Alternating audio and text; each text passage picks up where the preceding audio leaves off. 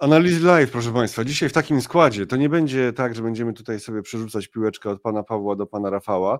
E, będą kolejno. Paweł Kiełkowski, Wanek. E, globalna instytucja od ETF-ów e, i Paweł Kiełkowski jest Wanekiem w Polsce, ale generalnie jest Wanek Europe. Będziemy rozmawiać o ciekawych rozwiązaniach związanych z tak zwanym pasywnym inwestowaniem, chociaż E, akurat w Polsce to jest wielu takich, którzy aktywnie używają ETF-ów e do inwestowania, niekoniecznie pasywnego. No, miejmy nadzieję, że ci, którzy mają świadomość e, o co chodzi i o co chodzi w prowizjach maklerskich. Jednak Rafał Bogusławski pojawi się gdzieś tak koło 9, 9.05, może tam grzeje tłoki zbiera parę i wystartuje z kopyta wtedy, kiedy przyjdzie już jego czas. A teraz, proszę Państwa, startujemy z Panem Pawłem, żeby porozmawiać o tym pasjonującym świecie ETF-ów w wydaniu Waneka. Zapraszamy.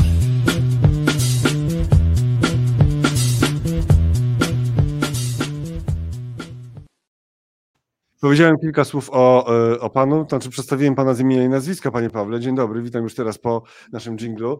E, I proszę powiedzieć e, parę słów o instytucji, którą pan reprezentuje w Polsce, bo Wanek, każdy, kto się interesuje inwestowaniem, to na pewno gdzieś tam trafił choćby na bardzo wygodne wykresy, które można sobie oglądać na ogólnodostępnych źródłach, kiedy nie ma na przykład indeksu bazowego, bo Wanek ma masę produktów na takie właśnie obszary, które są interesujące, a niekoniecznie łatwo zwykłemu śmiertelnikowi bez końcówki Bloomberga znaleźć to miejsce. Wanek, ile, ile aktywów, e, jak działacie, gdzie działacie?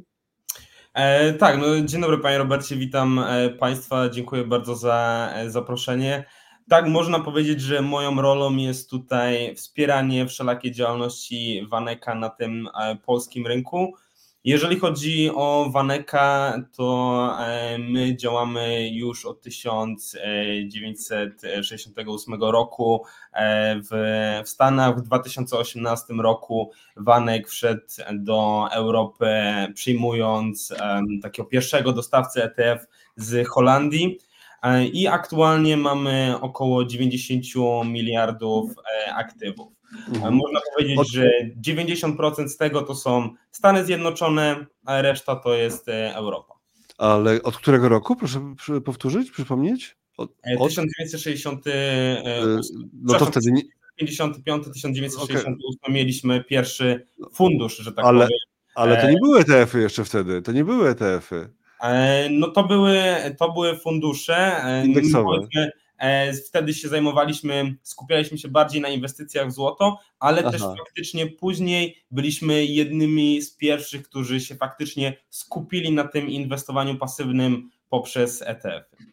Niektórzy byli zaskoczeni, że tytuł brzmi Fosy rdzenie satelity, e, ale mam nadzieję, że też e, dla ludzi z, z europejskiej centrali, gdy będą to oglądać i widzieć, to nie, nie będzie, tu sobie wrzucą do tłumacza Google i będą widzieli, prawda? Pozdrawiamy też. O co chodzi? O to chodzi, o, e, o to, co robicie, nie tylko wy zresztą, ale akurat ten pomysł na to, żeby, żeby fundusze pasywne, ETF-y, miały charakter pewnej fosy, to jest, to jest, e, to, to właśnie u Was się znajduje. Na czym to polega? Bo tradycyjnie myślimy o tym, że w inwestowaniu taką obroną przed stratami to może być dywersyfikacja portfela, czego pewnie Pan nie zaprzeczy, e, jakieś instrumenty dłużne e, i tak dalej, a tutaj mamy coś kompletnie zupełnie innego. Właśnie... no tak, nazwa właśnie, tak jak zostało wspomniane, bierze się z języka angielskiego i oznacza właśnie tą fosę, która, powiedzmy sobie taka fosa, która chroni zamek właśnie w tych, e, w tych gorszych czasach i oznacza to tak naprawdę filozofię inwestycyjną w spółki posiadające długoterminową przewagę konkurencyjną, które są też notowane po atrakcyjnych wycenach. A jeżeli chodzi jakby o samą nazwę w tym sektorze inwestycji, no to ona się jeszcze wzięła z wywiadu Warrena Buffetta tam z 99 roku, kiedy on powiedział, że jakby kluczem do inwestowania nie jest ocena, jak bardzo dana branża na przykład wpłynie na społeczeństwo lub jak bardzo się ona rozwinie, ale raczej określenie przewagi konkurencyjnej danej firmy, a dodatkowo przede wszystkim trwałości tej przewagi. I właśnie te produkty e, lub usługi, które mają wokół siebie powiedzmy tą szeroką, trwałą fosę, są tymi, które e, powinny przynosić inwestorom zyski. E, no i tutaj mamy takie oparte o jakiś indeks. To jest indeks e, Morningstara, czyli to jest taka wielka firma amerykańska zajmująca się tym, czym się w Polsce zajmują, analizy online. Oczywiście większy rynek, znacznie większa skala, e, ale też generuje indeksy. Jakie spółki są w tych indeksach? Skoro to jest ETF oparty o ten indeks Morningstara, kilka indeksów z Morningstara, to co to są za indeksy? Jakie to są spółki? No to będą spółki, które będą oparne, e, oparte właśnie na tej filozofii e, Fosy. I teraz warto, żebyśmy sobie powiedzieli, jakby jakie są przykłady tej, tej Fosy i na podstawie nich podali przykłady mm. na, tych spółek, powiedzmy. I pierwsza taka, pierwszy taki typ Fosy to są koszty zmiany, które możemy sobie zmierzyć na przykład wysiłkiem i przywiązaniem, które może blokować konsumenta przed przejściem do konkurencji i tutaj przykładem może być Apple lub Salesforce. Salesforce na przykład to mamy CRM do pozyskiwania nowych klientów i mhm. organizacja zdecydowałaby się na przejście na inny CRM, no to musiałaby przenieść całą bazę, zbudować nowe struktury w tym systemie i też e, od nowa przeszkolić cały zespół. Jest to na tyle duży wysiłek, że organizacje rzadko po prostu się na niego decydują, co zapewnia właśnie tą przewagę konkurencyjną dla Salesforce.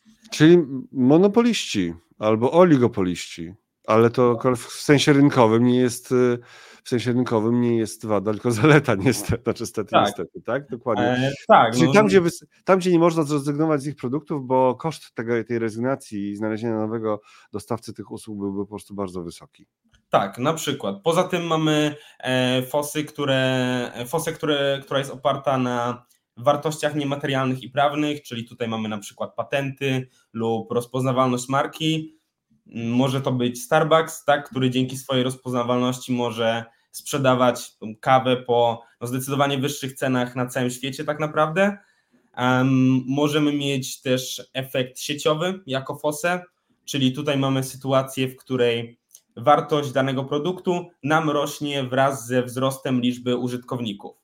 Przykład to mm, YouTube, który mhm. jest no, wiodącą platformą treści wideo na świecie, więc twórcy, którzy szukają no, jak największej widowni, będą iść na YouTube'a i tworzyć tam treści. Z, z, racji tego, że mamy tam coraz więcej treści, no to będzie też coraz więcej odbiorców, co będzie przyciągać coraz więcej twórców, no i tak to się dalej mm toczy, tak, ten mhm. efekt sieciowy. Um, następnie mamy tutaj czwartą fosę, czyli przewagę kosztową, i to mamy sytuację, w której firma może sobie tak naprawdę pozwolić na sprzedaż produktów po dużo niższej cenie.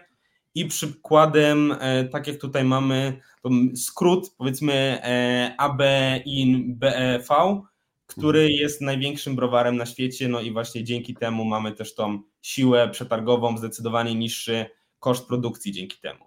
Mhm. I finalna już fosa. Tutaj też ciekawe, tak, tak, tutaj jeszcze cytat z Morningstara, właśnie skala globalna oraz niemal monopolistyczna dominacja na kilku rynkach Ameryki Łacińskiej i Afryki zapewniają AB InBev znaczącą, AB e, InBev znaczącą dźwignię kosztów stałych i sił przebicia cenowego w zaopatrzeniu.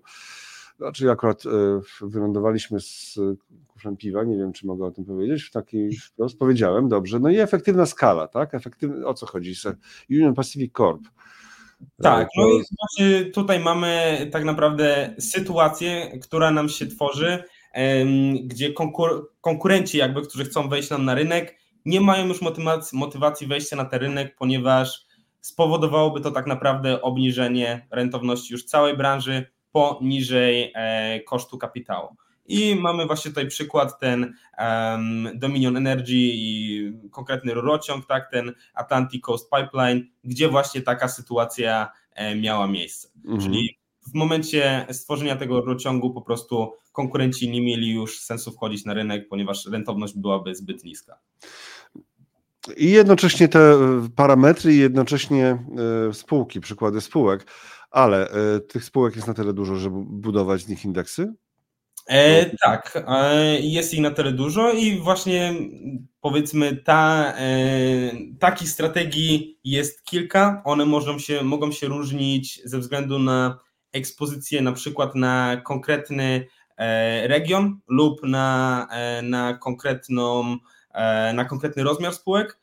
I przykładem może być taka, taki najbardziej vanilla mode, czyli ten, ta globalna strategia mode, gdzie tam możemy sobie zjechać na, na stronie, mhm. jeżeli nam się tak, tak pojawi. Tak, już, już, już się pojawia, tak. Mhm. E, to możemy sobie na przykład tutaj jeszcze zjechać na stronie niżej, tam na wykres e, samego indeksu w porównaniu z tym jest S&P 500, jeżeli pamiętam. Tutaj to jest ten, jeżeli sobie jeszcze przeklikamy na lewo, bo to będzie globalna skala, tutaj mamy inny jeszcze indeks. Jak Aha, to, a, to, tak, to, globalna ekspozycja. Oczywiście, tak, tak. Mm, Okej, okay, no i tutaj mamy All Country World Index, czyli globalny Mode. Tak, MSCI World tutaj akurat jest. No i mm, to jest powiedzmy taki najbardziej vanilla mode, ale mamy też. E... Vanilla mode, czyli znaczy, że jest taki prosty, tak? W sensie taki tak, klarowny. Tak? Nie ma tutaj żadnych wynalazków, że tak powiem, tak? Tak, tak. Można, można w, te, w ten sposób powiedzieć, ale możemy sobie iść głębiej, tak? Możemy mieć strategie oparte na rynku na Stanach Zjednoczonych, gdzie jeszcze dodatkowo mamy prześwietlenia ESG. I w praktyce to wygląda w ten sposób, że ten indeks wtedy zaczyna od um, prześwietlania takiej firmy pod względem, to się nazywa taki wskaźnik kontrowersji ESG. Odrzucamy sobie te najbardziej kontrowersyjne, następnie mamy ocenę FOSY na podstawie um, analizy fundamentalnej przeprowadzanej przez e, analityków, zespół ponad 100 analityków z Morningstara, którzy nadają im ocenę, ten, tą mode, mhm. tą ocenę FOSY i ona może być albo zerowa, albo wąska, albo szeroka. I to zależy, ten rating, ta ocena zależy od tego, jak długo tak naprawdę analitycy oczekują, że ta przewaga konkurencyjna będzie się utrzymywać. Czyli jeżeli mamy między 10 a 20 lat, to ta fosa jest klasyfikowana jako wąska, powyżej 20 lat to jest fosa szeroka. I na przykład możemy mieć, tak mamy w niektórych e, tutaj strategiach w nazwie wide mode, no to znaczy, że ten indeks bierze pod uwagę spółki tylko i wyłącznie klasyfikowane jako ta, ta szeroka mhm. fosa. No i dodatkowo mamy jeszcze wycenę spółki i łącząc te wszystkie kryteria, indeks dodaje albo usuwa spółki z indeksu na podstawie e, rebalansingu rocznego, który tam jest później też w odstępach półrocznych, bo on jest podzielony, ale to już są mhm. technikalia, że tak powiem. Tutaj mam na przykład y, tak mode, y, white mode, y, Morningstar US white mode, taki produkt w tym miejscu. No, tak. Tak, dokładnie, z samej lewej. Ale to ciekawe, że w przypadku ESG, że Morningstar dokonuje jeszcze, jak rozumiem, oceny takiej eksperckiej, tak, i nie każdy, kto ma metkę, kto ma łatkę ESG, bo sobie ją tam jakoś zrobił, to będzie zaakceptowany, bo są tam jeszcze badania, czy nie jest to jednak mimo wszystko kontrowersyjne. Tak, Ale tak, ten, e, e, ten wątek, e, ten wątek mamy już przerobiony w takim razie, trochę więcej wiemy na ten temat. Mm, ale teraz tak, mamy mode, mamy różne takie fosy, ale fosa to nie wszystko w inwestowaniu, bo fosa ma coś otaczać, prawda? Czegoś bronić. Rozumiem, że to ma być jakiś element portfela. Mm, a teraz po fosie przejdźmy do satelit e, do rdzeni i, i satelit, czyli mm, Core Satellite, strategia inwestycyjna, która inwestorom, którzy są już troszeczkę zaprawieni, jest na pewno znana. E, tak, i to jest trochę też e, punkt, żeby porozmawiać o funduszach tematycznych. Ja jestem trochę sceptyczny do funduszy wobec ETF-ów tematycznych, bo trochę mi jeszcze się do nich nie przyzwyczaiłem o tyle, że mam wrażenie, że trochę zaburzają, zagęszczają ten cały świat, tak? Bo ETF-y powinny być, tak mi się kiedyś wydawało, na jakieś proste indeksy, takie oczywiste, które są i już, tak? A tu przechodzimy do Core Satellite i się okazuje, że jest jakiś rdzeń, są jakieś satelity i to są e, właśnie rzeczy e, tematyczne. To w takim razie e, to w takim razie jak, zacznijmy od tej strategii Core Satellite, tak, i, i przejdziemy w ten sposób do tych tematycznych ETF-ów, które muszą się pojawić, skoro to jest i Core i Satellite, więc te satelity też będą. To jak, jak podchodzicie do, do zbudowania swoich, swoich pomysłów e, w kontekście Core Satellite? E, no tak, ETF-y przede wszystkim nadal e, upraszczają mimo, mimo wszystko mhm. inwestycje, ale no właśnie mamy też sporo grono, spore grono inwestorów, które stosuje właśnie tą strategię Core Satellite, która też no, można powiedzieć, że jest trochę bardziej zachowawcza, tak, z racji tego, że łączy w sobie te elementy pasywne i aktywne. Mm, I właśnie ta pozycja core, ona ma nam pasywnie, tanio pokryć szeroki rynek, ale mamy też dodatkowo tą część e, satellite, mniej pasywną, w której tak naprawdę staramy sobie znaleźć gdzieś tą dodatkową alfę. I stąd też można powiedzieć, jest ta mnogość tych e, nie wiem, ETF-ów, tych mhm. strategii, bo osoby, które stosują tą strategię, no chciałyby mieć mimo wszystko jednak wybór tych właśnie strategii tematycznych, które mogłyby używać w tej e, części satellite. I teraz, jeżeli mówimy jakby właśnie o inwestowaniu tematycznym, no to mm, poza standardowymi wskaźnikami, jak na przykład e, koszty, to warto sobie zwrócić uwagę na sposób konstrukcji indeksu. I teraz to jest właśnie bardzo ważne w e, inwestowaniu tematycznym, ponieważ ta sytuacja może się mimo wszystko sporo różnić między, między strategiami.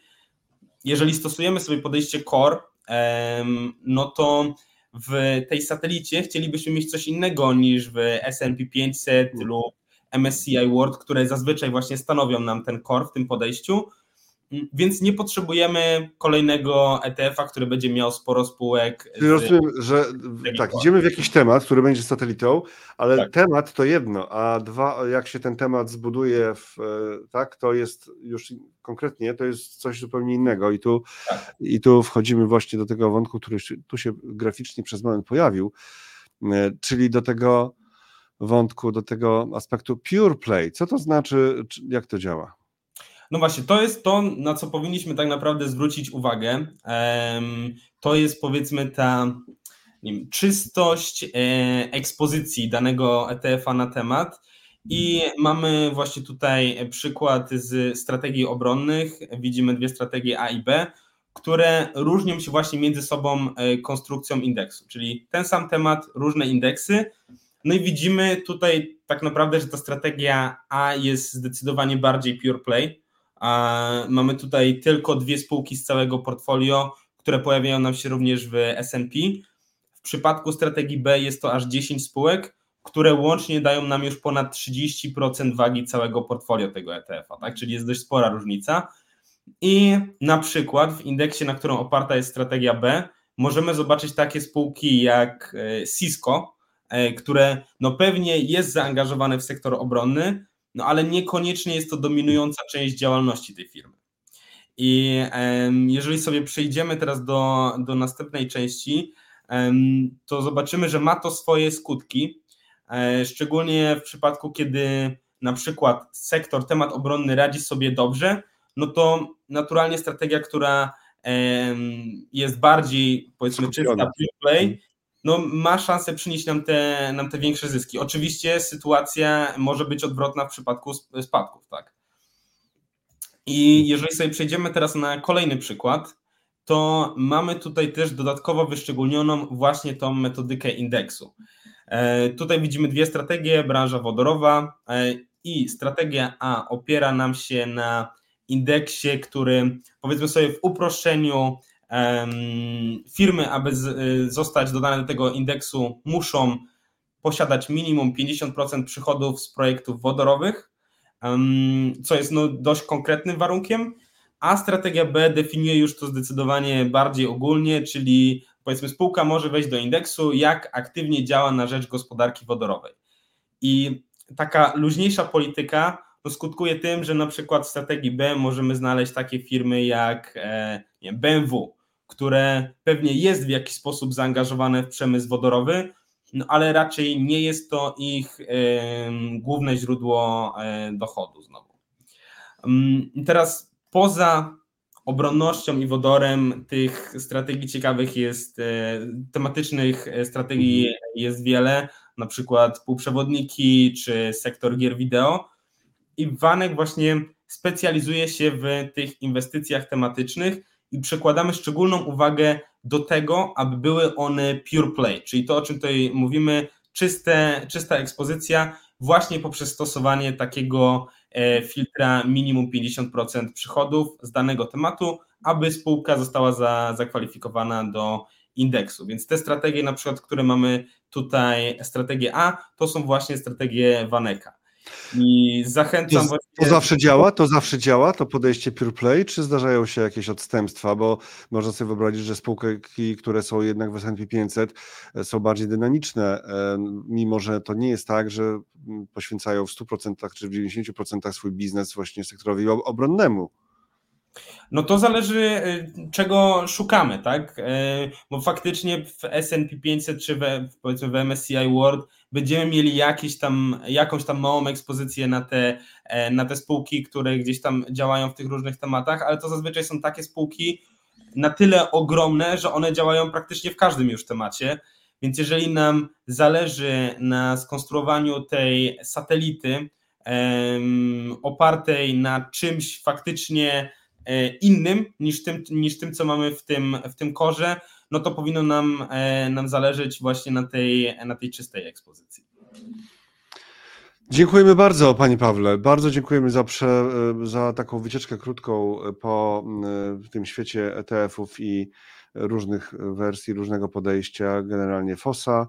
Core Satellite, o tym rozmawialiśmy. O nim rozmawialiśmy o bardzo wielu rzeczach, które robicie, na przykład o tym bitcoinowym. Na pewno jest duże zainteresowanie, zwłaszcza, że bitcoin wystrzelił tam na 50 tysięcy, tak? tak? Znowu. E, ile w sumie macie takich tematycznych, e, w sumie tak globalnie, kojarzy Pan z, grubsza liczby? E, w Stanach ta liczba jest większa, w Europie mhm. mamy na pewno powyżej 10.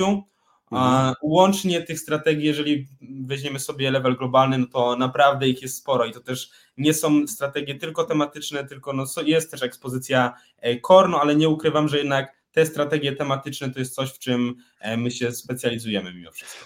Paweł Kiełkowski, Wanek Europe, e, człowiek Wanek w Polsce, tak mogę powiedzieć. Do zobaczenia, dziękuję bardzo za to spotkanie. Dziękuję bardzo za rozmowę. Do widzenia.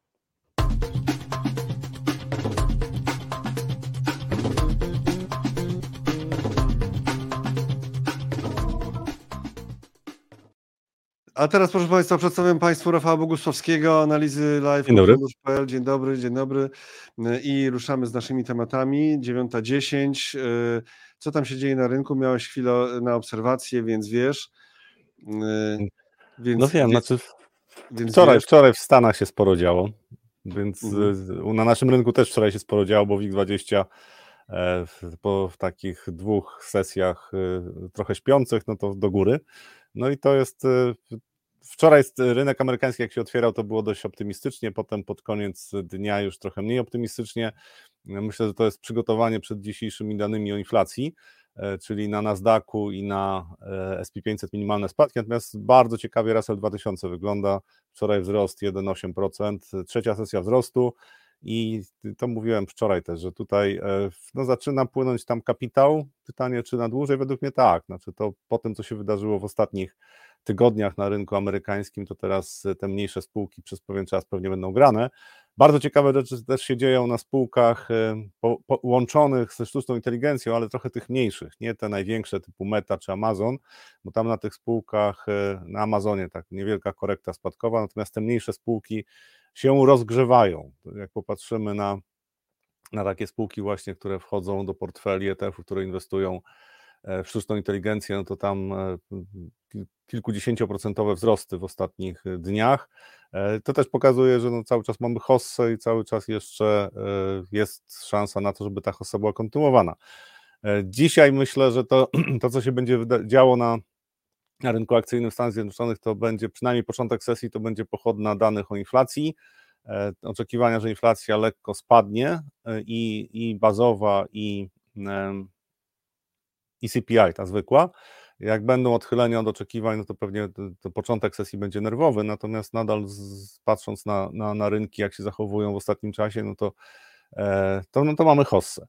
Natomiast tu widziałem pytanie naszego widza o to, co się stało na naszych rentownościach obligacji. No, po pierwsze, rentowności obligacji ostatnio amerykańskich rosły, ale też jeden z widzów odpowiedział, że e, to skutek mądrości, tutaj cytuję, tak, Wojciech odpowiedział, e, Tomasz, to skutek mądrości, mądrości Glapińskiego i Trumpa. Inwestorzy przypomnieli sobie o ryzyku. To jest oczywiście pochodna wypowiedzi na temat y, y, na temat y, na, mhm. funkcjonowania NATO, tak, to co Trump powiedział.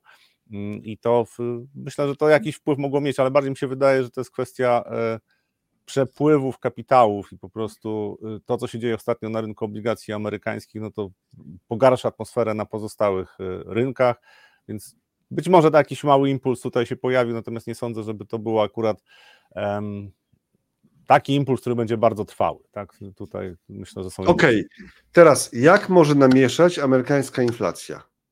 Tak. No amerykańska inflacja, tutaj są oczekiwania, dzisiaj że będą dane, Dzisiaj dane, no właśnie. 14.30 są dane. Jeżeli inflacja będzie y, niższa od oczekiwań, to prawdopodobnie mamy osłabienie dolara i to dość istotne. Znaczy, to wynika z tego, że konsolidacja na dolarze, czy na eurodolarze, na funt dolar, już kilka dni mamy konsolidacji rynek zbiera siły. To znaczy, jeżeli będzie, mm, będą dane, y, inflacja będzie niższa do oczekiwanej, no to oczywiście będą szanse na to, albo rynek zacznie dyskontować to, że obniżki stóp, może nie w marcu, bo myślę, że Fed się nie wycofa z marcowych, z braku marcowych obniżek stóp. Po konferencji Powella to jest raczej scenariusz, który trzeba brać pod uwagę, że w marcu posiedzenie Fedu bez zmiany stu, poziomu stóp procentowych, natomiast kolejne e, posiedzenia, tam wzrośnie pewność, że będą te obniżki, znaczy jeżeli chodzi o rynek. Więc jeżeli, jeżeli inflacja będzie niższa od spodziewanej, to spodziewam się, że będzie dość silny ruch na e, dolarze, osłabienie dolara, podobnie na rentownościach obligacji. Znaczy zakładam, że tutaj 10-letnie obligacje 10 punktów bazowych mogą stracić w ciągu kilku minut, jeżeli ta inflacja będzie niższa. Jeżeli inflacja będzie ale niższa... Stracić, ale stracić to mówisz o rentownościach? Znaczy spadku rentowności. Znaczy rentowności mogą spaść, czyli ceny, ceny wzrosną. Mhm. E, też taka, taki poziom inflacji to jest chyba no dość jednoznaczny, pozytywny odczyt dla e, rynku akcji. E, oczywiście tutaj jest kwestia tego, jak długo już rynek rośnie, bo ten wzrost od ostatnia korekta tygodniowa miała miejsce na początku stycznia, więc e, tutaj pretekst do korekty może się znaleźć w każdej chwili. Natomiast jeżeli inflacja będzie niższa od oczekiwanej, to myślę, że inwestorzy się nie zmartwią. I, i tutaj kolejna, mm, kolejna e, e, Kolejny strumień kapitału popłynie pewnie na Russell 2000. Ten, ten rynek w mojej ocenie w ostatnim czasie, w ostatnich dniach zaczął być grandam. Przygotowania były 2-3 tygodnie temu, ale to bardzo często jest tak, że, że pierwszy impuls y, kończy się rozczarowaniem, dopiero drugi impuls jest silniejszy, wzrostowy, tak? To wynika z tego, że duży kapitał niekoniecznie chce pociągnąć wzrosty od razu e, przy pierwszym impulsie wzrostowym, bo być może mają za mało akcji, tak? Czas na konsolidację i później kolejny impuls wzrostowy. E, za chwilę pewnie, jeżeli jeszcze dzisiaj, jutro te spółki z Russell 2000 wzrosną, to rynek w końcu to zauważy, no i, i, zacznie się przesuwać kapitał w stronę tych spółek, bo rynek jest rozgrzany, więc szuka takich okazji inwestycyjnych.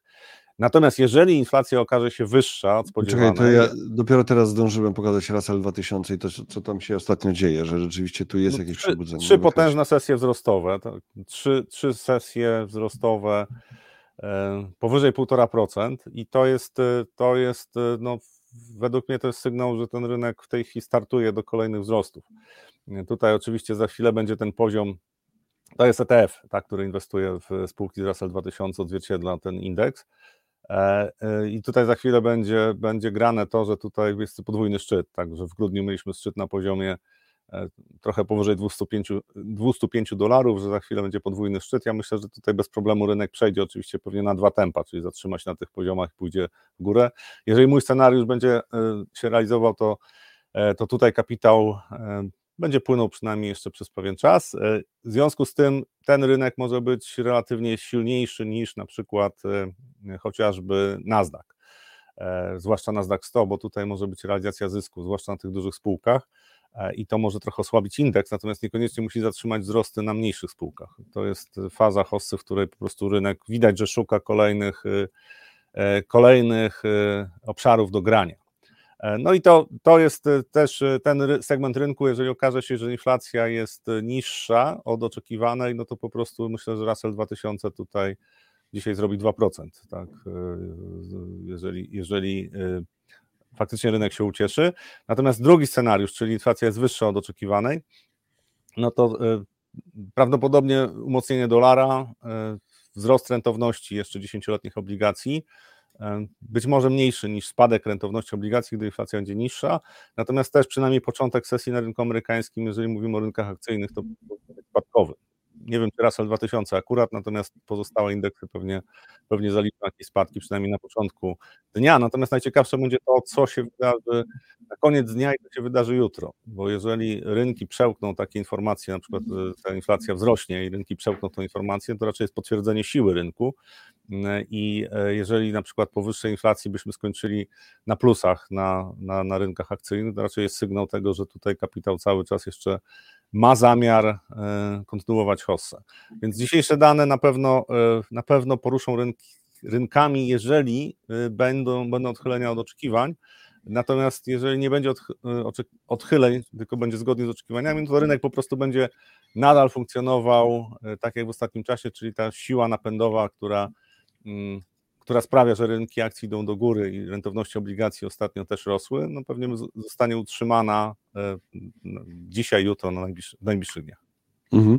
E, to jeszcze jeden tytuł, e, tak, żeby zobrazować z Bloomberga tytulik o tej być może tak wolniejszej inflacji w Stanach, która napędza, może napędzić obawy znaczy nadzieję, można powiedzieć nadzieję na cięcia stóp, ale e, co do cięć stóp, to Fed znajduje się w ogniu krytyki. Proszę Państwa, w ogniu krytyki. Czy, czy cokolwiek to wpłynie, w jakikolwiek sposób to wpłynie akurat na Jeroma Powella i na decyzję Fedu, to nie wiem, czy to ma znaczenie. Bardziej rynek wpływa, tak jak to słyszałem kiedyś, że Fed nie może bez końca walczyć z rynkiem, jeżeli tam coś się zmienia na rynkowych stopach procentowych. No ale dobra, no ale jest ta, ten ogień krytyki. E, nigdy nie byli jeszcze tak ekonomiści krytyczni do zacieśnienia, e, zacieśnienia robionego przez Fed od 2010 roku. To zacieśnienie oczywiście się formalnie skończyło, ale ono nadal jest, skoro inflacja spada, nie ma obniżek stóp.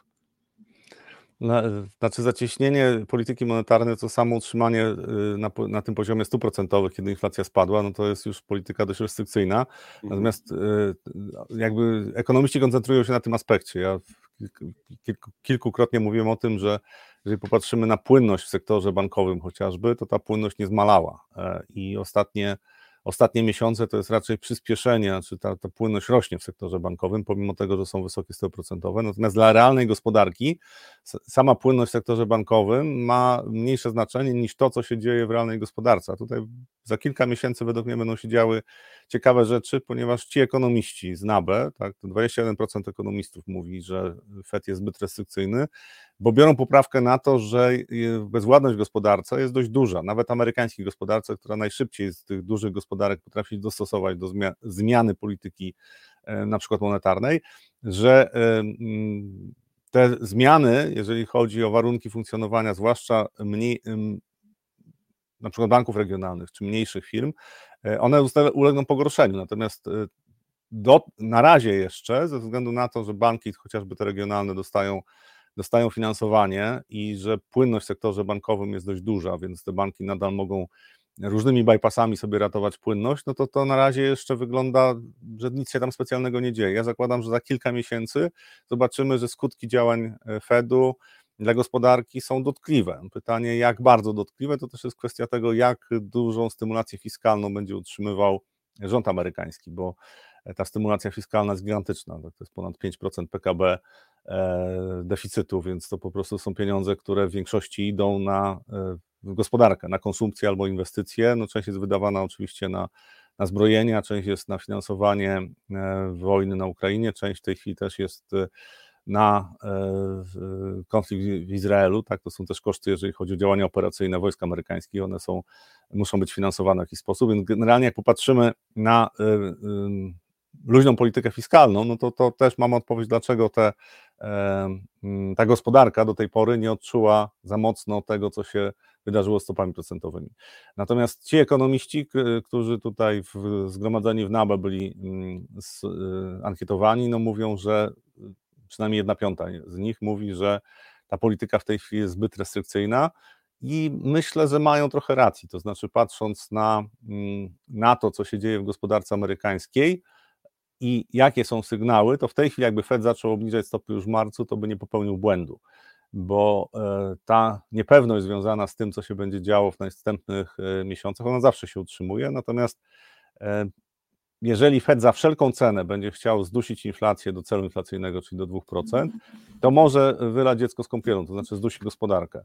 I to jest w tej chwili wyzwanie według mnie na najbliższe miesiące, kiedy, mm, kiedy Fed powinien zacząć obniżać stopy procentowe. I drugie pytanie, czy powinien, aby na pewno y, bardzo mocno upierać się przy tym, że inflacja ma zejść do 2%, bo to jest y, według mnie to jest poważne, poważne wyzwanie, takie bardziej, jeżeli chodzi o sposób działania czy filozofię działania, które będzie rzutowało na to, co się będzie działo też w gospodarce amerykańskiej, bo e, warto zwrócić uwagę, że bardzo prawdopodobne jest to, że i w Polsce, i w Stanach Zjednoczonych inflacja zacznie odbijać w, w kwietniu, być może już w marcu, tak, ale w kwietniu, w maju prawdopodobne są wzrosty, e, podniesienie poziomu inflacji, efekty bazy będą działały bardzo mocno. Ja zakładam tutaj, że niewiele się dzieje na rynku ropy, tak, bo, bo rynek ropy może przewrócić e, te, te oczekiwania, czyli spadki gwałtowne cen ropy albo wzrosty gwałtowne cen ropy mogą całkowicie zmienić ścieżkę inflacyjną. E, natomiast na razie według mnie nie da się zaprognozować e, cen ropy, ze względu na to, że nie da się zaprognozować tego, co się będzie działo na Bliskim Wschodzie. I to ostatnie dni pokazują ewidentnie, że nadzieję na to, że będzie jakieś wstrzymanie ognia e, w konflikcie Hamas kontra Izrael, obniżają ceny ropy. Jak rozwiały się te nadzieje, a przynajmniej rynek tak to odebrał, to mamy wzrosty cen ropy. I tak będzie w najbliższych dniach i tygodniach prawdopodobnie, dopóki ten konflikt się nie, nie, nie rozwiąże, nie, nie, uspokoi. Nie wiem, czy jest możliwość, żeby w najbliższym czasie to się wydarzyło. Więc Ceny ropy pozostają zagadką, natomiast jeżeli przyjmiemy, że ceny ropy nie zmieniają się gwałtownie, to i tak inflacja nie będzie chciała specjalnie spadać w, w drugi, w, od powiedzmy kwietnia, maja, raczej będzie się podnosiła inflacja w Polsce podobnie. I to są zagrożenia e, dla Fedu, że jeżeli i dla gospodarki amerykańskiej, jeżeli Fed będzie chciał koniecznie zdusić inflację do 2%, to prawdopodobnie zrobi to, co Volcker zrobił na, pod koniec lat 70., na początku lat 80., czyli wywoła recesję w gospodarce amerykańskiej. I są na dobrej drodze, żeby to zrobić. Dużo wspomniałeś o ropie, a więc e, teraz pokazuję ten wątek. E, I, I, to Ramko oczywiście, czyli e, no to jest firma, która jest zainteresowana tym, żeby ceny ropy wzrosły, bo oni wtedy za więcej zarabiają. Natomiast analizy ich pokazują, że jest możliwość zwiększenia popytu na ropę o półtora miliona baryłek.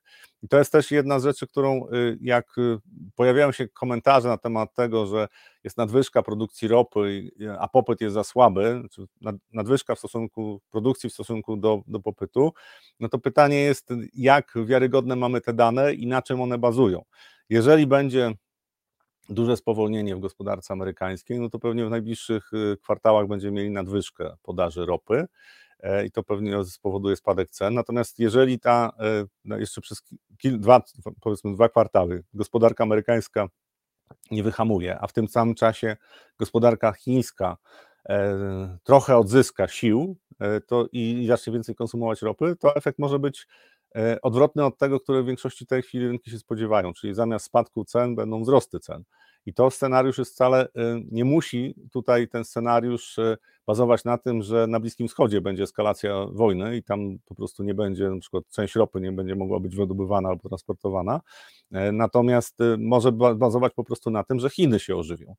I nie, nie jestem w stanie powiedzieć na, odpowiedzieć na pytanie, co z, z, chińską gospodarką, bo już kilka razy próbowałem dokładnie przeanalizować to, co, jakie dane napływają i, i co z tego wynika, i po prostu to jest chyba kwestia wiarygodności tych danych. Znaczy bardzo ciężko jest y, y, stwierdzić, co tam naprawdę się dzieje w Chinach, natomiast bardzo ciekawie wyglądają akcje chińskie i, zachowanie indeksów w ostatnich dwóch, trzech tygodniach, czterech tygodniach nawet, a zwłaszcza ostatni, ostatni tydzień e, pokazuje, że rynek y, być może rynek dyskontuje nie tylko to, że tam e, rząd chiński będzie ingerował na rynku tak, akcyjnym, żeby, żeby e, podnieść wyceny akcji, ale być może też rynek dyskontuje to, że jednak trochę w tej gospodarce będzie lepiej, przynajmniej w perspektywie dwóch, trzech kwartałów. Nie wiem, ale rynek akcji pokazuje, że e, coś pozytywnego zaczęło się dziać i oczywiście teraz tego nie, nie znajdziemy odpowiedzi na to ze względu na to, że Chińczycy świętują, Natomiast w przyszłym tygodniu myślę, że możemy już trochę więcej wiedzieć, jeżeli rynki akcji w Chinach będą szły w górę, to zakładam, że y, gospodarka też zaskoczy na plus, znaczy zaskoczy na plus w perspektywie powiedzmy dwóch, trzech kwartałów. Co będzie dalej, to nie wiem.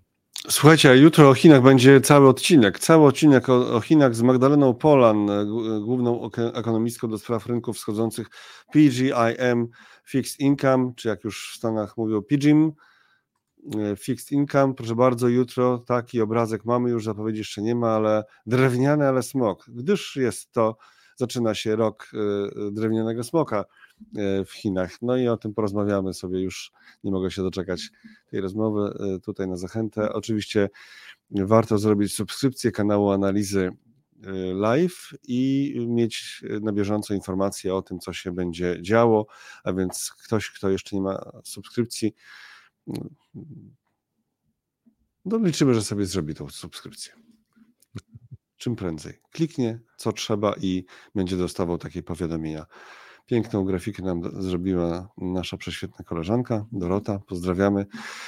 E, I... Słuchaj, ten, ten smok ma we, wobec siebie jakieś złe zamiary. Tak? Właśnie wobec mnie ma złe zamiary. No właśnie, to chyba muszę spytać Dorotę, co chciała przez to pokazać. Tak? No wiesz, podświadomie. Drewniany, nie drewniany, ale niech smok. go zje, niech on go zje.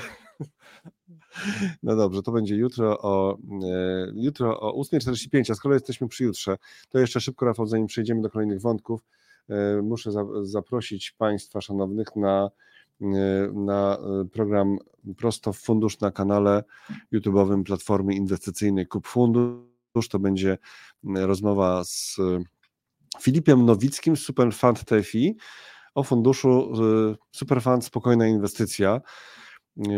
Możesz sobie tam przejrzeć notowania na kupfundusz.pl e, najlepiej albo na analizach. Superfund, spokojna inwestycja. Rzeczywiście fundusz sobie radzi nieźle przez lata i będzie można jutro przepytać zarządzającego, bo jeżeli ktoś będzie na żywo o 12, to będzie mógł ze wszystkiego zarządzającego, czyli Filipa Nowickiego, przepytać. Zapraszamy jutro o 12. Link w komentarzu już się pojawił.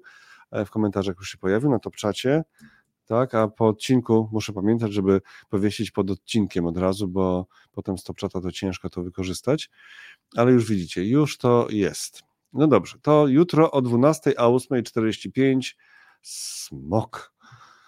Choć, drew, choć drewniany. No i dobrze, to y, było, było o ropie, o Chinach, o stopach procentowych. To już możemy przejść do y, jakichś bardzo ciekawych oczekiwań związanych ze sztuczną inteligencją no a raczej z cost cuttingiem. No właśnie. Możemy. No, tutaj oczywiście to jest artykuł z Bloomberga, który e, analizuje, jak dużą uwagę w tej chwili e, przywiązują firmy amerykańskie do e, kontroli kosztów. Że tutaj Morgan Stanley, Morgan Stanley analizuje raczej w tym artykule, to już drobiazg. O no właśnie. Tak.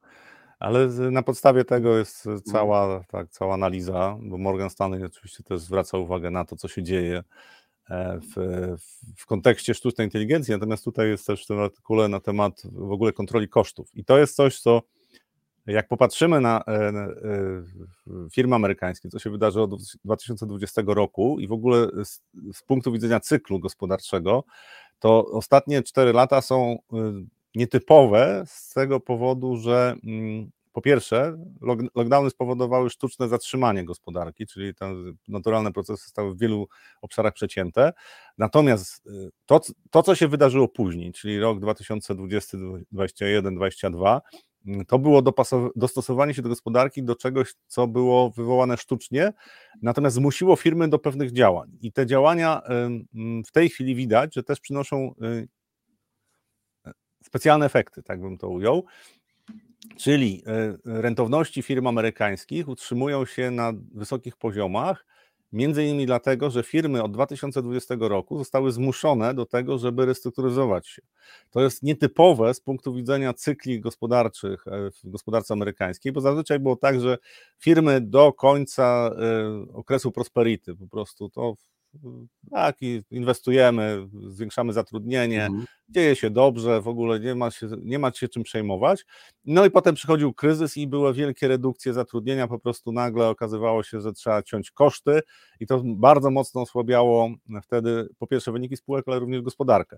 I w tej chwili firmy w zasadzie od 2020 roku są cały czas w permanentnym procesie restrukturyzacji, co ma swoje y, pozytywne konsekwencje. Znaczy, to zostało y, uspokojone. Znaczy, jeżeli patrzymy na, na to, jak firmy zatrudniają, to tam nie ma specjalnie szaleństwa, E, bo też poziom bezrobocia był stosunkowo niski i firmy zderzyły się z problemami, że nie mogły znaleźć pracowników o odpowiednich kwalifikacjach, więc poszły też w automatyzację, poszły właśnie e, w wykorzystywanie sztucznej inteligencji i to rośnie bardzo szybko. I teraz ten temat, który się tutaj pojawił, czyli wykorzystanie sztucznej inteligencji, to jest nadzieja na to, że e, rentowności czy marże amerykańskich firm gwałtownie nie spadną. Po prostu firmy cały czas z uelastyczniają formy zatrudnienia, o ile mogą, ale też redukują zatrudnienie, zwłaszcza jeżeli chodzi o firmy, które mogą, tak, mogą zautomatyzować część procesów, to po prostu redukują zatrudnienie i to się dzieje.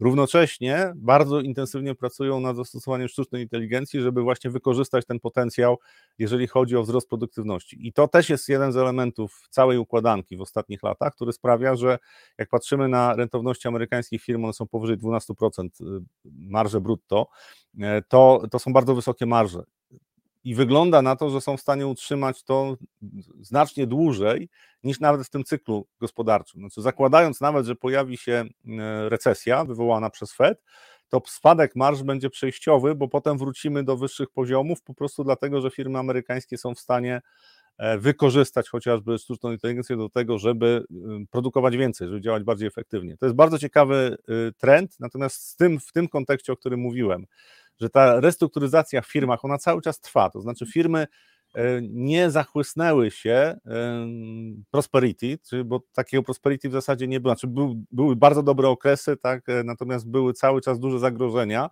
związane z tym, że ta sytuacja gospodarcza była niestabilna, więc firmy restrukturyzują się od czterech lat. To jest coś, czego nie doświadczyliśmy. Ja 70 lat nie pamiętam inwestycyjnie, natomiast od lat 90. czy nawet 80. nie było takiej sytuacji, że firmy jeszcze zanim e, przyszła, przyszło spowolnienie, że już się zaczęły restrukturyzować. Bardzo wiele firm w Stanach się restrukturyzuje. I to jest, i to jest według mnie jeden z e, pozytywnych aspektów, jeżeli patrzymy na amerykański rynek akcji, że nie specjalnie musi mm, e, być rozczarowani, e, inwestorzy nie muszą być rozczarowani w najbliższym czasie mm, tym, że spadną marże. Tak? Marże mogą nie spadać, właśnie amerykańskie firmy mogą utrzymywać marże na dość wysokim poziomie. Pomijam to wahnięcie takie cykliczne, jeżeli Fedowi się uda e, z, spowodować e, recesję w gospodarce, to wtedy marże automatycznie spadną. Natomiast taki cykl koniunkturalny wywołany przez to, e, taki dłuższy cykl koniunkturalny wywołany przez te zmiany technologiczne i przez to, co w tej chwili robią firmy, ma szansę trwać jeszcze przynajmniej kilka lat. I to, to są pozytywne informacje dla inwestorów, zwłaszcza z amerykańskiego rynku akcji. To co, Rafale, to teraz jeszcze kilka pytań od e, szanownych Państwa, prawda? Szanownych Państwa, pytań, komentarzy. Tylko teraz niech ja się przez nie e, przedrę, niech wybiorę ze wszystkich towarzyskich pozdrowień, wyrazów sympatii e, i tak dalej, i innych te, które są jakimś, mogą być jakimś wyzwaniem dla Ciebie, na przykład albo pytaniem.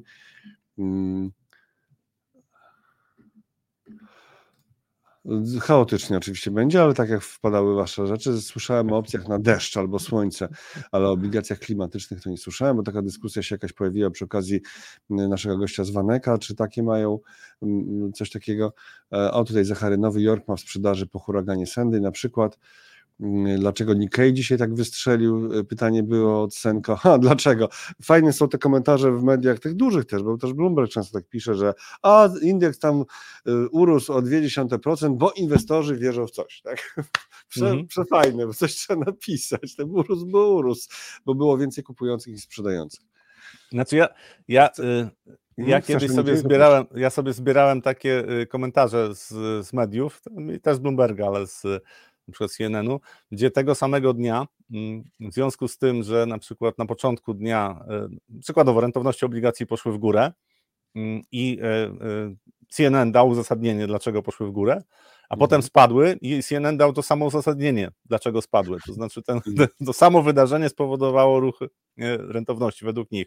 Znaczy prawdopodobnie kto inny pisał te komentarze, natomiast mhm. generalnie to pokazuje, że zawsze trzeba znaleźć taką prostą przyczynę. No i tutaj też, jeżeli chodzi o Japonię, tam wydaje mi się, że to jest kwestia e, pomysłów też, e, jeżeli chodzi o in, inwestycje, czy fundusze inwestycyjne e, japońskie, natomiast no tam też cały czas trwa hossa, chociaż przy tych poziomach, na których Nikkei jest w tej chwili, czyli tam te prawie 38 tysięcy, szczyt czasów w okolicach 40 tysięcy, 89 rok, to przy tych poziomach to no, jeżeli, jeżeli faktycznie jesteśmy w ogóle w szerokiej bańce inwestycyjnej na, na rynkach światowych, to pewnie pokonamy ten szczyt wszechczasów. Natomiast już bardzo wiele pozytywnych informacji, jeżeli chodzi o chińskie firmy, chińską gospodarkę, zostało zdyskontowanych i to jest coś, co też warto o tym pamiętać, że ten rynek nie jest już tak tani, jak był na przykład jeszcze półtora roku temu. E, Tomasz pisał wcześniej, co się stało wczoraj na rentownościach naszych dziesięciolatek plus 1,59. Ty się odnosiłeś do tego i też cytowałeś komentarz Wojciecha, który mówił, że inwestorzy przypomnieli sobie o ryzyku, wspominając o e, szefie NBP i Donaldzie Trumpie że inwestorzy przypomnieli sobie o ryzyku. Przede wszystkim chyba chodzi o te wypowiedzi Donalda Trumpa. No tyle tylko, że on tam mówił, że nie będzie bronił krajów, które nie spełniają wymogów natowskich. E, oczywiście może wzbudza oburzenie tym, e, tym e, spostrzeżeniem, a przecież Polska do PKB ma wydatki zbrojeniowe już chyba większe niż Stany do PKB. Widziałem no takie tak. zestawienie. Y, Natomiast... Tam 90 y, czy jakoś tak, a Stany powyżej 3, a rzeczywiście Europa Zachodnia ciągle nie dobiła do 2% y, PKB. No to hello, no to niech się ruszą, niech dobiją, zanim ktoś dobije tutaj. Więc to ryzyko i to, że to, i to, że wyciągamy wnioski, że Trump nie będzie bronił Polski, tak? No nie, no sorry, powiedział wyraźnie tych, które nie spełniają wymogów. No my spełniamy i to grubo. Oczywiście są inne, ma, masa jego innych wypowiedzi chaotycznych, dziwnych i tak dalej i rzeczywiście obawy są wobec tej prezydentury. No, teraz ty. No, bo to jest to oczywiście kwestia... Yy, znaczy nigdzie w traktacie NATO nie jest napisane, że y, w związku z tym, że ktoś nie płaci wystarczająco dużo na obronność, to nie będzie y, broniony przez inne kraje NATO. Po przeciwnie. To jest ogólna zasada, że każdy kraj, który jest w NATO, jeżeli zostanie zaatakowany, dostanie wsparcie. Znaczy oburzające te słowa o tym, te słowa o tym, że będzie tam nawet powie Putinowi, żeby robił co chce z tymi, którzy nie płacą, to już było, to już tam chyba republikanie pospadali z krzeseł rzeczywiście. No tak, no i teraz ja myślę, że tutaj y, to, to był jakiś pretekst do tego, co się wydarzyło na, na polskich obligacjach, natomiast nie, nie sądzę, żeby to, to miało jakieś bardzo duże znaczenie. Bardziej patrzę w, przez pryzmat tego, co się w ostatnich dniach działo na rynku obligacji amerykańskich, tamte wzrost rentowności e, i też co się dzieje na innych rynkach, jeżeli patrzymy na chociażby rynki europejskie, no to widać, że obawy o to, że ta inflacja właśnie nie będzie spadała wystarczająco szybko, na razie są wszechobecne i to jest, to jest coś, co, co sprawia, że patrząc też na E, scenariusze dla Polski, które, które są możliwe, jeżeli chodzi o, o inflację w drugiej połowie roku, to ten poziom w tej chwili dziesięcioletnich obligacji rentowności na poziomie 5,30-5,40 to nie są, to są niskie poziomy, to znaczy tutaj zagrożeń podbicia inflacji w drugiej połowie roku jest bardzo dużo, jeżeli chodzi o Polskę. Więc ja myślę, że po prostu jesteśmy w, w tej chwili, ostatnie, ostatnie tam dwa miesiące to jest trend boczny w zasadzie, od pomiędzy 5-5,40 te rentowności się utrzymują polskich obligacji, e, więc też takie ruchy czasami są przypadkowe, po prostu jakiś większy inwestor wychodził z rynku, potrzebował sprzedać trochę obligacji, on to, to, to mm. sprzedał. A propos Japonii, tutaj jeszcze cofa, cofamy się tem, tematycznie. Timber Crow pisze, ja tak, ja tak obserwuję Japonię i mam tam trochę grosza, troszkę, troszkę grosza. Wystrzał zaczął się od tsunami, popyt na budowlankę i samochody wzrośnie, czyli generalnie to jest jakiś stymulus dla gospodarki. E, ale to tylko wróciliśmy na chwilę a też Timbercrow pisał a propos, a propos rentowności polskiego długu, to najprawdopodobniej po prostu wykasowanie zakładanych obniżek przez NBP. Przecież rynek oczekuje dwóch, trzech obniżek w Polsce. To się nie stanie, więc trzeba się cofnąć po prostu. E, ten temat też już e, zostawiamy. Zachary pisał, zastanawia mnie stwierdzenie, spółka inwestuje w AI i co to właściwie znaczy, w metody obliczeniowe, modele sieci neuronowych, technologiczne, wspieranie prędkości obliczeniowej, czy właściwie w co? No to jest takie już szerokie pytanie. Bym tutaj przypomniał, co mówił nasz gość z Waneka a propos tego Pure, że no właśnie może należałoby spojrzeć na to tak szeroko, czy, czy, czy Pure. Mm, czy to jest rzeczywiście czysta, ci, którzy robią sztuczną inteligencję, czy ci, którzy wykorzystują sztuczną inteligencję do swoich procesów biznesowych. Wolelibyście mieć ETF na US Bond 20, czy SP 500 w skali 3 lat? Michał pisał, bo siedzi tam, siedzi tam, ma wiesz, rachunek w biurze maklerskim i sobie się zastanawia, który, który kupić, tak? Na trzy lata. No, to jest taka decyzja dość trudna, bo tam w perspektywie jest jakaś recesja w Stanach Zjednoczonych, natomiast natomiast... Ale widzisz, e, recesja w Stanach, te firmy, które teraz się restrukturyzują przed recesją i to, że jednak będą poprawiały wyniki przez to, tak?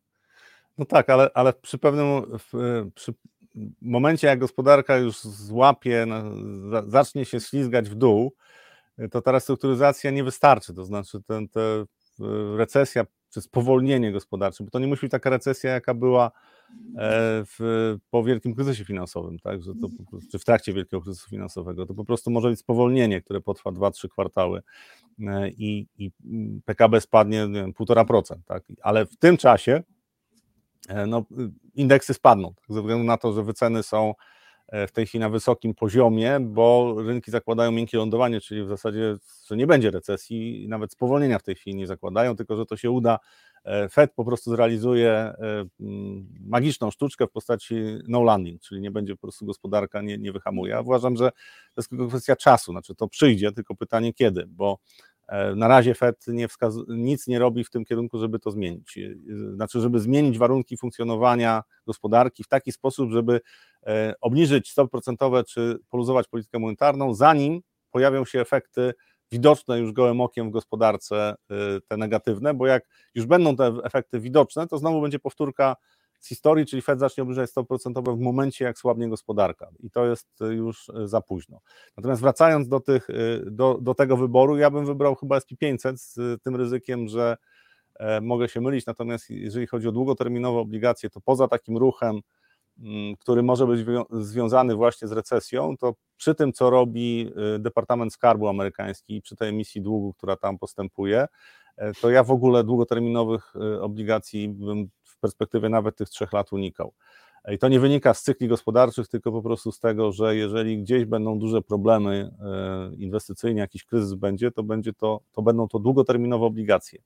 E, I mój bazowy scenariusz na najbliższe lata to jest w ogóle odwrót od E, aktywów kontrolowanych przez państwo, czyli obligacji skarbowych, e, też e, tam, gdzie, gdzie, gdzie rządy decydują o tym, co, co, można, co, co można zrobić, albo emitują dług chociażby, no to w najbliższych latach po prostu okaże się, że inwestorzy niezbyt przychylnie będą patrzyli na inwestowanie w takie aktywa. I dlatego nie te dwudziestoletnie obligacje. Mhm, jednak. No proszę, to lecimy dalej i powoli zbliżamy się do końca dzisiejszego wydania. Rafał Bogusławski pojawi się znowu w czwartek, najbliższy najprawdopodobniej, a jutro w planach Magdalena Polan i to, co już pokazywałem, czyli będzie o e, smokach, e, o smoku właściwie jednym, e, drewnianym. Moment, ten komentarz muszę sobie, to za chwilę jeszcze na koniec pokażę, a teraz jeszcze z Waszych komentarzy. Mamy dwa lata od poprzedniego szczytu na S&P 500. Cykle się skróciły. E, to jest e, właśnie problem polega na tym, że to, to, co wydarzyło się po 2020 roku, to nie było naturalne. Zupełnie nie było naturalne z punktu widzenia właśnie cykliczności gospodarki. To zostało sztucznie wywołane przez polityków. I e, mm, ten szczyt, który mieliśmy pod koniec 2021 roku, to była kwestia rozpędzenia e, rynków akcyjnych w Stanach Zjednoczonych e, ze względu na to, że pojawiło się bardzo dużo pieniędzy i ludzi, którzy nie mieli specjalnie dodatkowego zajęcia, więc stwierdzili, dobra, możemy sobie poinwestować, mieli pieniądze na te inwestycje. I potem załamanie w 2022 roku na rynku akcji też było pochodną wycofywania się tych ludzi z rynku, a nie tego, co się działo tak naprawdę w gospodarce, więc jak popatrzymy na takie dłu, bardziej długoterminowe cykle, to ten, ten pik 2021 według mnie był E, niec był dość sztuczny, to znaczy to było wywołane po prostu efektami, e, które zazwyczaj w gospodarce nie, nie, nie występują, znaczy inne powody pojawiają się za wzrostem rynku.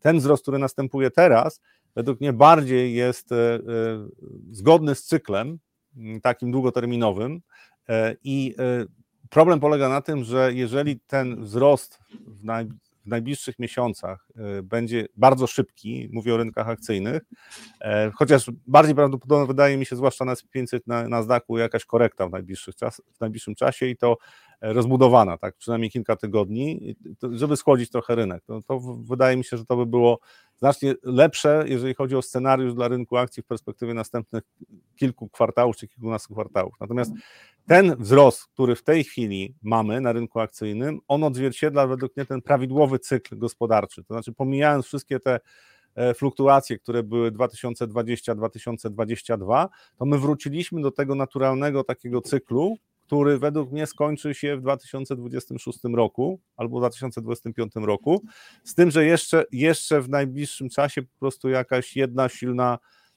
wahnięcie korekcyjne wynikające właśnie z takiego spowolnienia gospodarczego, które w tej chwili ze względu na to, co robi Fed, chociaż może się pojawić. Natomiast jeżeli wróciliśmy w miarę do takiego cyklu długoterminowego, to to poliwa powinno wystarczyć jeszcze przynajmniej na półtora roku dla, e, dla rynków akcji, e, zakładając oczywiście, że ja mam rację.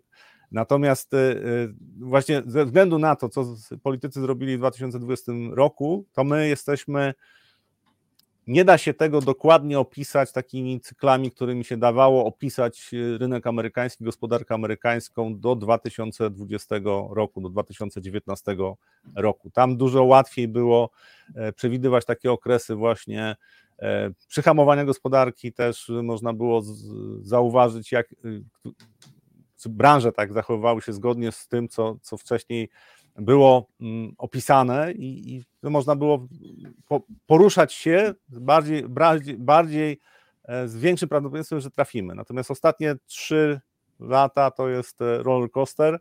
Według mnie wróciliśmy do trendu, którym, na którym byliśmy wcześniej i nie patrzyłbym na ten szczyt 2021 jako na istotny szczyt. Według mnie dopiero teraz ten szczyt, który, który zostanie ustanowiony w najbliższych, e, najbliższych dwóch, trzech latach, według mnie będzie miał dużo większe znaczenie niż tamten e, szczyt z 2021 roku. Zachary pytał, gdzie jest Paweł K. No tak, Paweł K. dzisiaj nas nie zaszczycił. E, jeżeli będzie oglądał, to pozdrawiamy. E, I dalej lecimy z waszymi, mm, no właśnie, z waszymi pytaniami, komentarzami, ale to pokażę następny zaraz, ale zrobię to w ten sposób. Od tego zacznę. Co to jest, Rafał? Co to jest? Co to jest? Co to jest? Challenge mały? Co to jest? A, brawo. My tu o ropie cały czas, a kakao na ATH nie ustępuje. No to coś zjechało trochę. To niedobrze, to niedobrze, bo nie, ja kakao to się nie zgadzam, ja protestuję. Niech ktoś tam zarządzi tym rynkiem. Tu był problem, żeby o rynkach towarowych coś zrobić. Hm, ciekawe. Znaczy rynki, rynki towarowe, no. na, naprawdę jak jeżeli po, mówimy o inwestowaniu nawet takim długoterminowym, to rynki towarowe są bardzo niewdzięcznym obszarem do inwestowania z wielu powodów.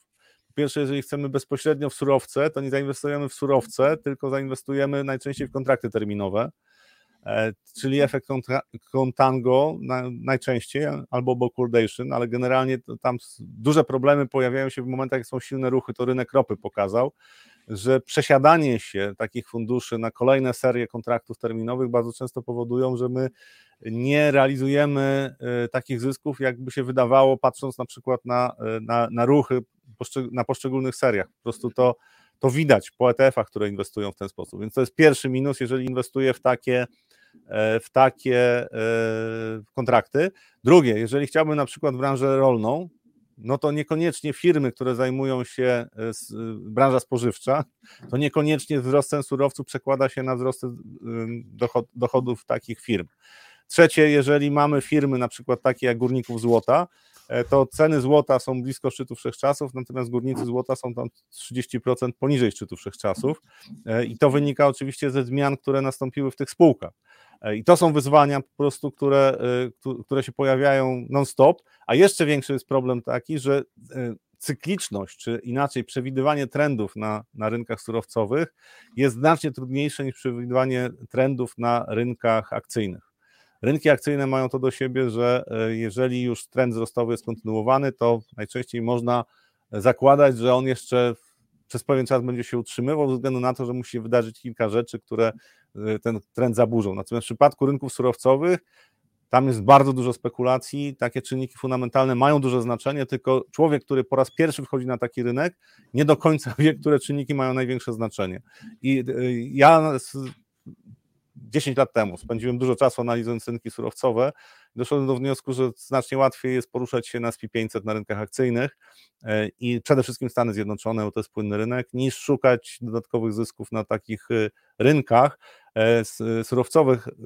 Ja traktuję je wyłącznie w kategoriach zabezpieczenia. Tak? Jeżeli, jeżeli mam jakiś portfel, który, który jest budowany na przykład na, na rynku akcji, to posiadanie złota czy funduszu który inwestuje w kontrakty terminowe na e, surowce, szeroko rozumiane, jest formą zabezpieczenia przed wydarzeniami, które mogą spowodować gwałtowny wzrost cen surowców, na przykład, e, na przykład wybuch wojny, tak, jakiś o większym znaczeniu gospodarczym, rynki się przestraszą. Tutaj oczywiście Tajwan jest tym pretekstem, który momentalnie w Idźmy dalej, Rafale. Wysła, wysłałby ceny surowców, prawie wszystkich ceny surowców w górę.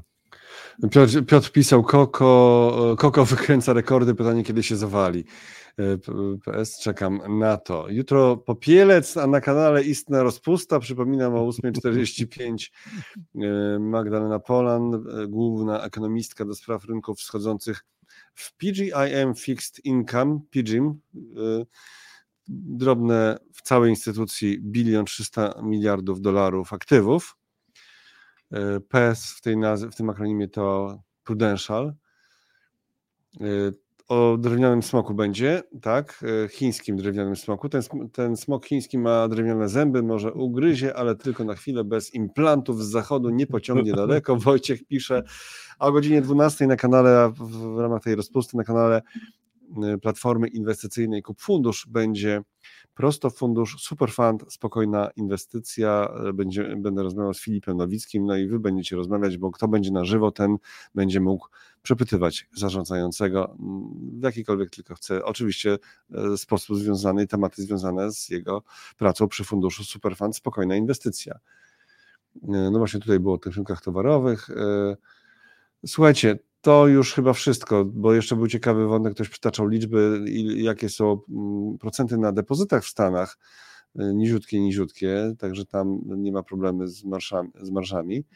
Ale to y. przede wszystkim te duże banki, bo mniejsze mhm. banki tam mają no dużo większe wyzwania. To nie jest tak, że, y, że tam jest jednolity rynek i po prostu wszystkie banki mają takie same niskie oferty. Duże banki jak najbardziej tak. To znaczy, to jest jedna z rzeczy, która sprawia, że te banki mają przewagę.